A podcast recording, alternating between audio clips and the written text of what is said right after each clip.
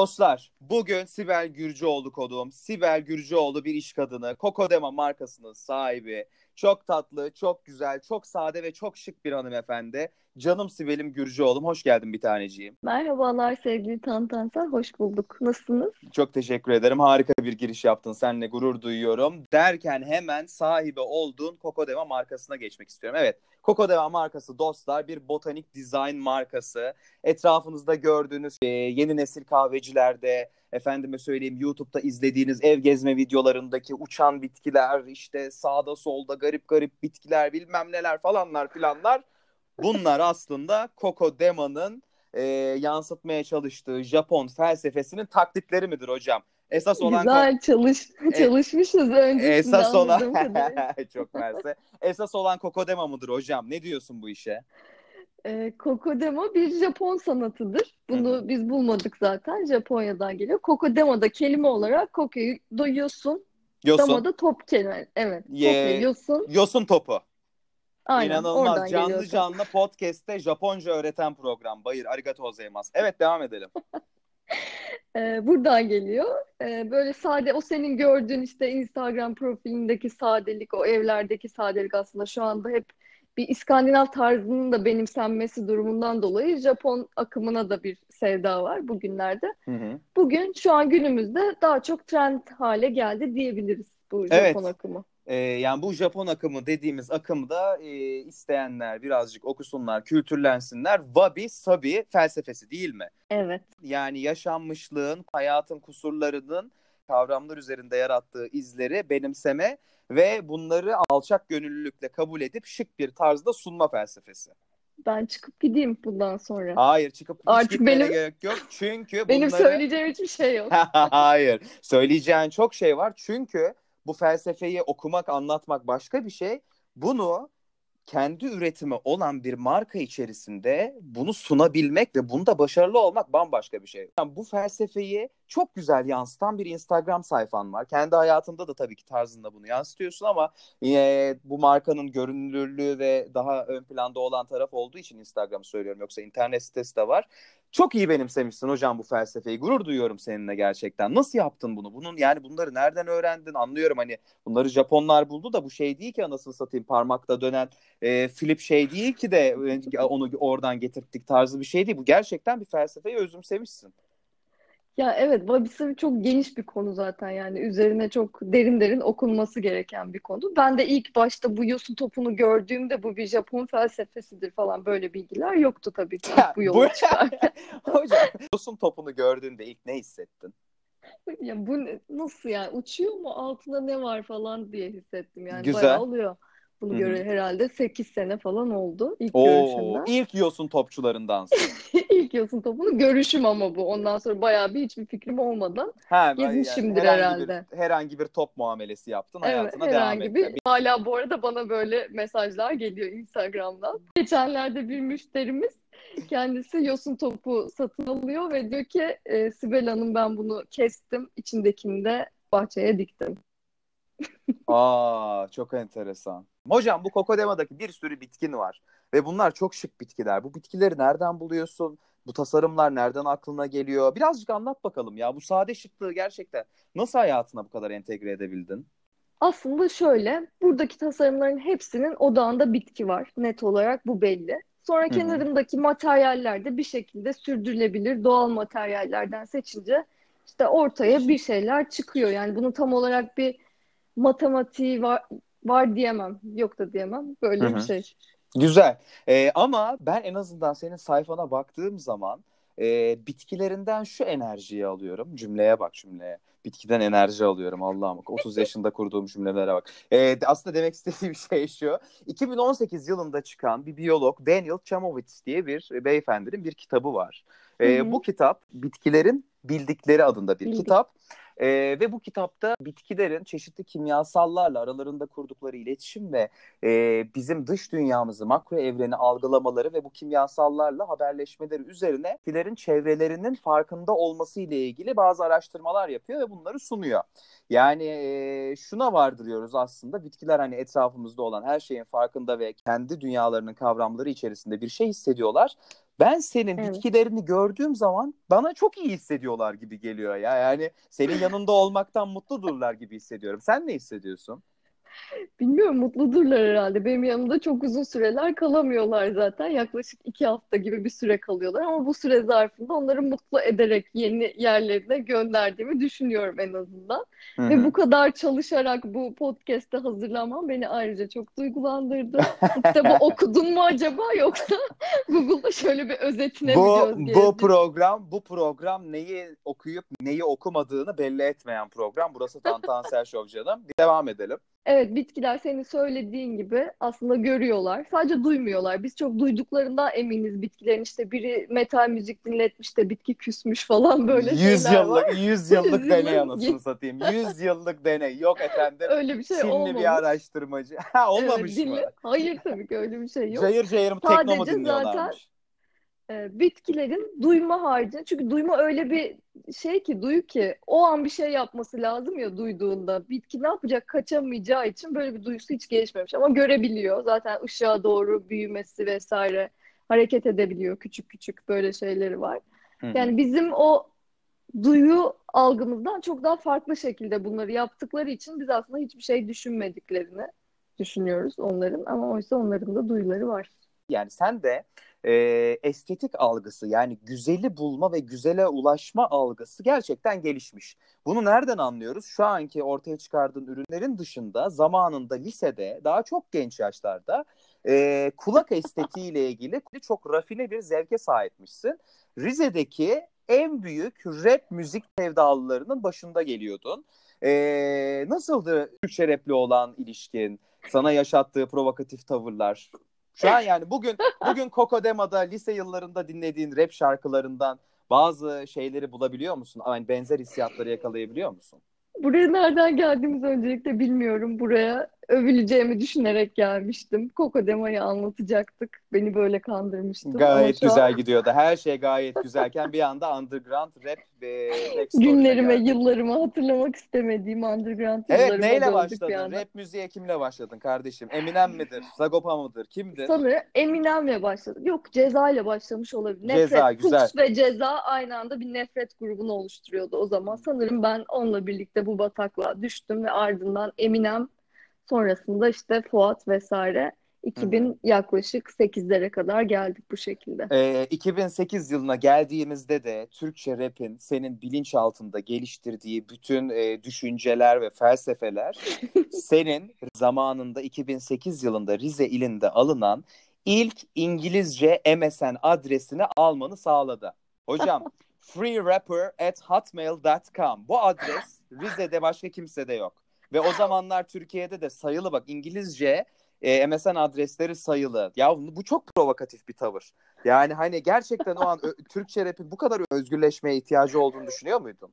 Ya evet gerçekten öyle hani rap dinliyorum ama bir yandan da rapçilerin özgür olmadığını düşünüyorum. Böyle bir free rapper diye bir şey alma ihtiyacı ve bunu MSN nickime kadar taşıma Hı hı. ihtiyacı duymuşum demek ki o yıllarda.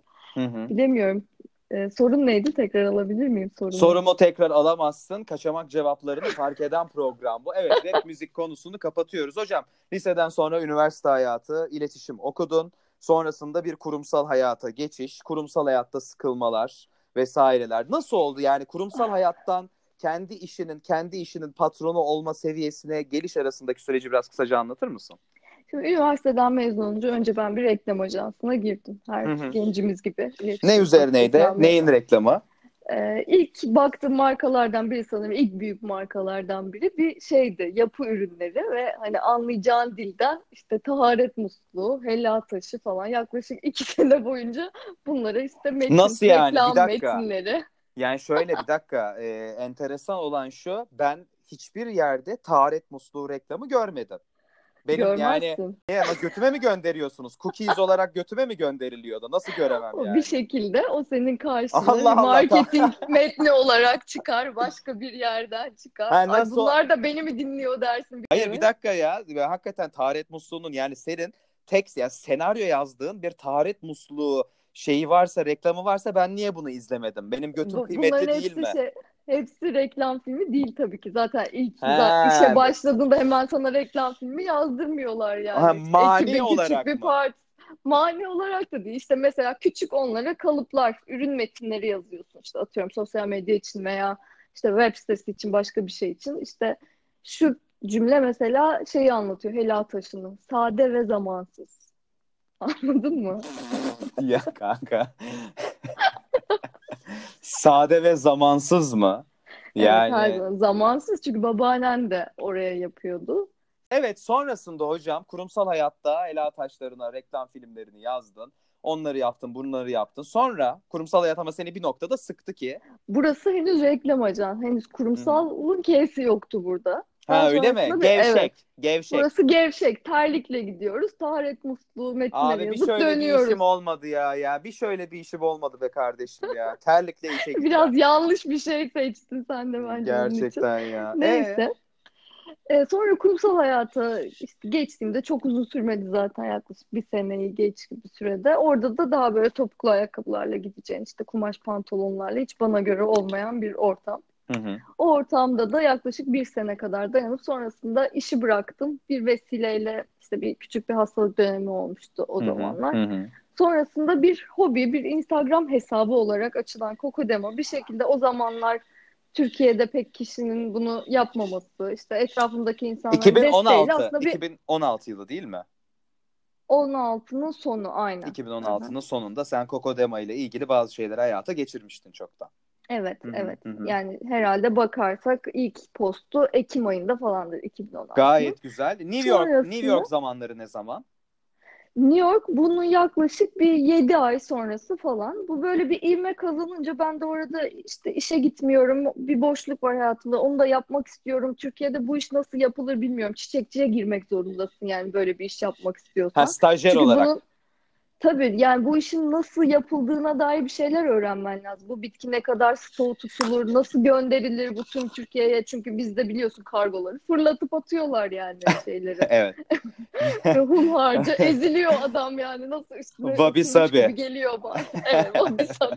Öyle diyoruz müşteriye mesela oturmuş wabi sabi diyor. Evet. Ondan sonra New York'a gittim. Orada yaklaşık iki tane yerde çalıştım. Aynen. Bir tanesi çok kısaydı. Bir tanesine birazcık daha uzun olmak üzere. Biri Hayorty, bir de e, Sprotom Brooklyn. Belki bilen bilir buraları. Buradan selam olsun hepsi. Selam olsun dostlarım. Oğlum hemen ilçeleri anlatmaya başladı. İnanılmaz sen New York'a gel. E, buradaki iki yerde Hı hı, böyle bir staj, çalışma. Bir tanesinde staj yaptım. Bir tanesinde çalıştım. hı hı. Öğrendim ve döndüm. O da zaten e, 3-4 aylık bir süreçti. Çok güzel. 3-4 ay New York'ta yaşadın. E, işin inceliklerini öğrendin. Daha e, business kısmına ilgili bir şeyler de öğrendin mi? Onları yoksa kervan yolda düzülür şeklinde mi öğrendin? Yani şöyle aslında orada bir eğitim de aldım ben. Çok kısa bir eğitimdi o da. Oradaki eğitim bana hiçbir şey katmadı diyebilirim. Çünkü aşağı yukarı benim ailem de bu işle ilgileniyor. Zaten Rize gibi bir yerde doğmuşum. Yani bitkinin nasıl bakılacağını Hı hı. aşağı yukarı biliyorum. Ee, orada öğrendiklerim mesela işte kargolama teknikleri nasıl kargoluyorlar. Bizimki kadar hunharca olmasa da orada da kargolar kötü gidiyor. Kapıların önüne atılıyor. Bunları nasıl yaparız? Bu bitkinin nasıl ters dönmeden kutulanır gibi şeyleri öğrendim. Kargolama yöntemleri vesaire. Ama business anlamında çok bu, Türkiye'nin muadili ol- olamıyor oradaki çalışma şekli. Çünkü dinamikleri çok ayrı. Hı hı. Ee, ama benim için çok iyi bir tecrübe oldu tabii ki. Kendime güvenim de geldi. Aslında oraya giderken ben bir şey bilmiyorumdur herhalde bu konuda diye gittim ama birçok şeyi öğrendiğimi ve orada gayet de çalışabileceğimi bir yere gitsem hatta o markayı bile oraya taşıyabileceğimi öğrendim gittiğimde. O özgüvenle birazcık daha buraya geldiğimde bu işi hızlandırdım. E, orada geçirdiğin süreyi bence gerçekten hakkını vererek değerlendirmişsin. Çünkü şey dediğim kadar var yani aldığın bilgileri çok iyi özümsemişsin hocam. Ya ortaya çıkardığın ürünler e, gösterdiğin çabaya değdiğini gösterir nitelikte bence. O yüzden gerçekten seni tebrik ediyorum.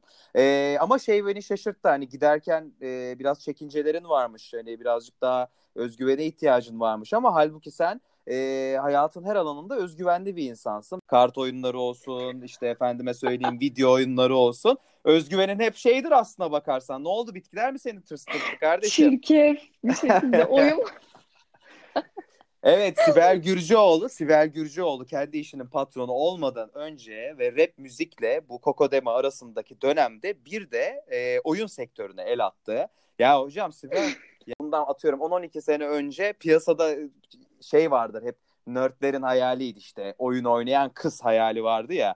Sen Ay, o hayalde olan ne kadar lame. hocam. Aynen sen sen o hayallerdeki kızdın. Bizimle LoL oynuyordun falan filan. Biz deliriyorduk, ediyorduk. Şu an etrafına eliniz çarpsan gamer kız oldu. Bu işe ne diyorsun?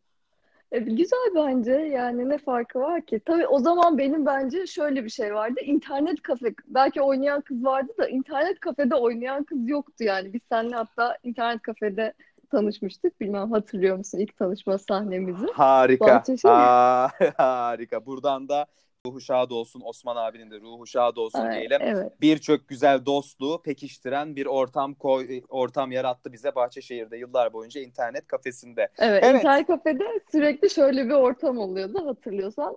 Arkadaşlar kadın var aramızda yalnız. o kadın. İnternet kafede, internet kafede insanların, genç ergenlerin dillerine sahip olması gerektiğini hatırlatırken kullandığı kadın. Evet, Sen o kadın. nefret ediyorlardı. Muhtemelen Hocam, nefret ediyorlardı. nefret etmiyorlardır. Senin de güzel ağız dolusu küfürler etmişliğin vardır diye yerin dibine sokuyoruz. Hocam her şeyi yaptın, ettin. Ee, artık hep dijitalde hizmet verirken e, yani workshoplar da yaptın, ettin tabii ki isteyenlerle ama şu an artık insanların gelip kokodemaları gerçekten bir ofis ortamında nasıl olurdur görebilmeleri için bir girişimde bulundun. Şu an Karaköy'de e, kokodema showroom'u ve ofisini açıyorsun. Doğru muyum? Evet doğru. Şu güne kadar eğitimleri hep böyle başkalarının e, misafirinde yapıyorduk başka yerlerde. Artık kendi e, alanımızı yaratıyoruz Karaköy'de, Fransız geçitinde. Süper. E, aynı zamanda burada sürdürülebilir bizim gibi Kokodema gibi sürdürülebilir malzemelerle üretilen başka markalara da yine butik markalara, local markalara da, yerel Hı-hı. markalara da ev sahipliği yapacak burası. O iş dünyasına bomba gibi düşecek küçük esnafı, küçük üreticiyi destekleyeceğini söyleyen bomba bir açıklama. Ya Siboş seninle gurur duyuyorum gerçekten ya. Vallahi geldiğin ya olduğun insan, yaptığın şeyler gerçekten hani e, yani görünce mutlu ediyor beni senin yaptığın bu başarılar. Seninle gurur duyuyorum. Evet e, söylemek istediğin bir şey var mı? E, Kokodema ile ilgili Instagram'da Kokodema, Jojo Dema sayfasından sana bulaşabiliriz. Siparişlerimizi internet sitesinden verebiliyoruz. Evet, Jojo Demo Plants şeyinden bulabilirler Instagram'da. Çok e, güzel. www.kokodema.com'dan da siparişlerini verebilirler. Ben e, Tantansel Show'a konuk olabildiğim için çok gururluyum. Şu ana kadar ben bu işle birlikte bir şey başardığımı hissetmemiştim. Bugün dedim ki bu iş oldu. Ben Tantansel Show'a da konuk çağrılıyorsam artık Bu iş olmuştur dedim. hocam. Bu Aynen. iş olmuştur diyorsun. Antik Japon krallığından başlayan Rize'nin yaylalarına uzanan bu hikayede e, Tantansel Show'a konuk olmak seni mutlu ettiyse bizi çok daha mutlu etti. Siboş'um ağzına sağlık. Çok teşekkür ediyorum. Biz teşekkür ediyoruz. Ee, yani vaktin yok ama yakın bir zamanda LoL oynamak isterim es- eski günlerin aslında. Açıkçası ben bilmiyorum. Çok istemem Tancım. En, seni en son bıraktığım yerde yani berbat oynuyordu ya bilmiyorum. Muhtemelen buraları kesersin ama ben Evet programın kapatılma zamanının geldiği dakikalara gelmişiz. Sevgili dinleyenlerimiz bugün Kokodema Plants'in sahibi Sibel Gürcüoğlu ile canım Siboş'umla beraberdik. Sibel'cim tekrar çok teşekkür ediyorum vakit ayırdığın için. Çok teşekkür ediyorum ben davet ettiğin için öpüyorum çok.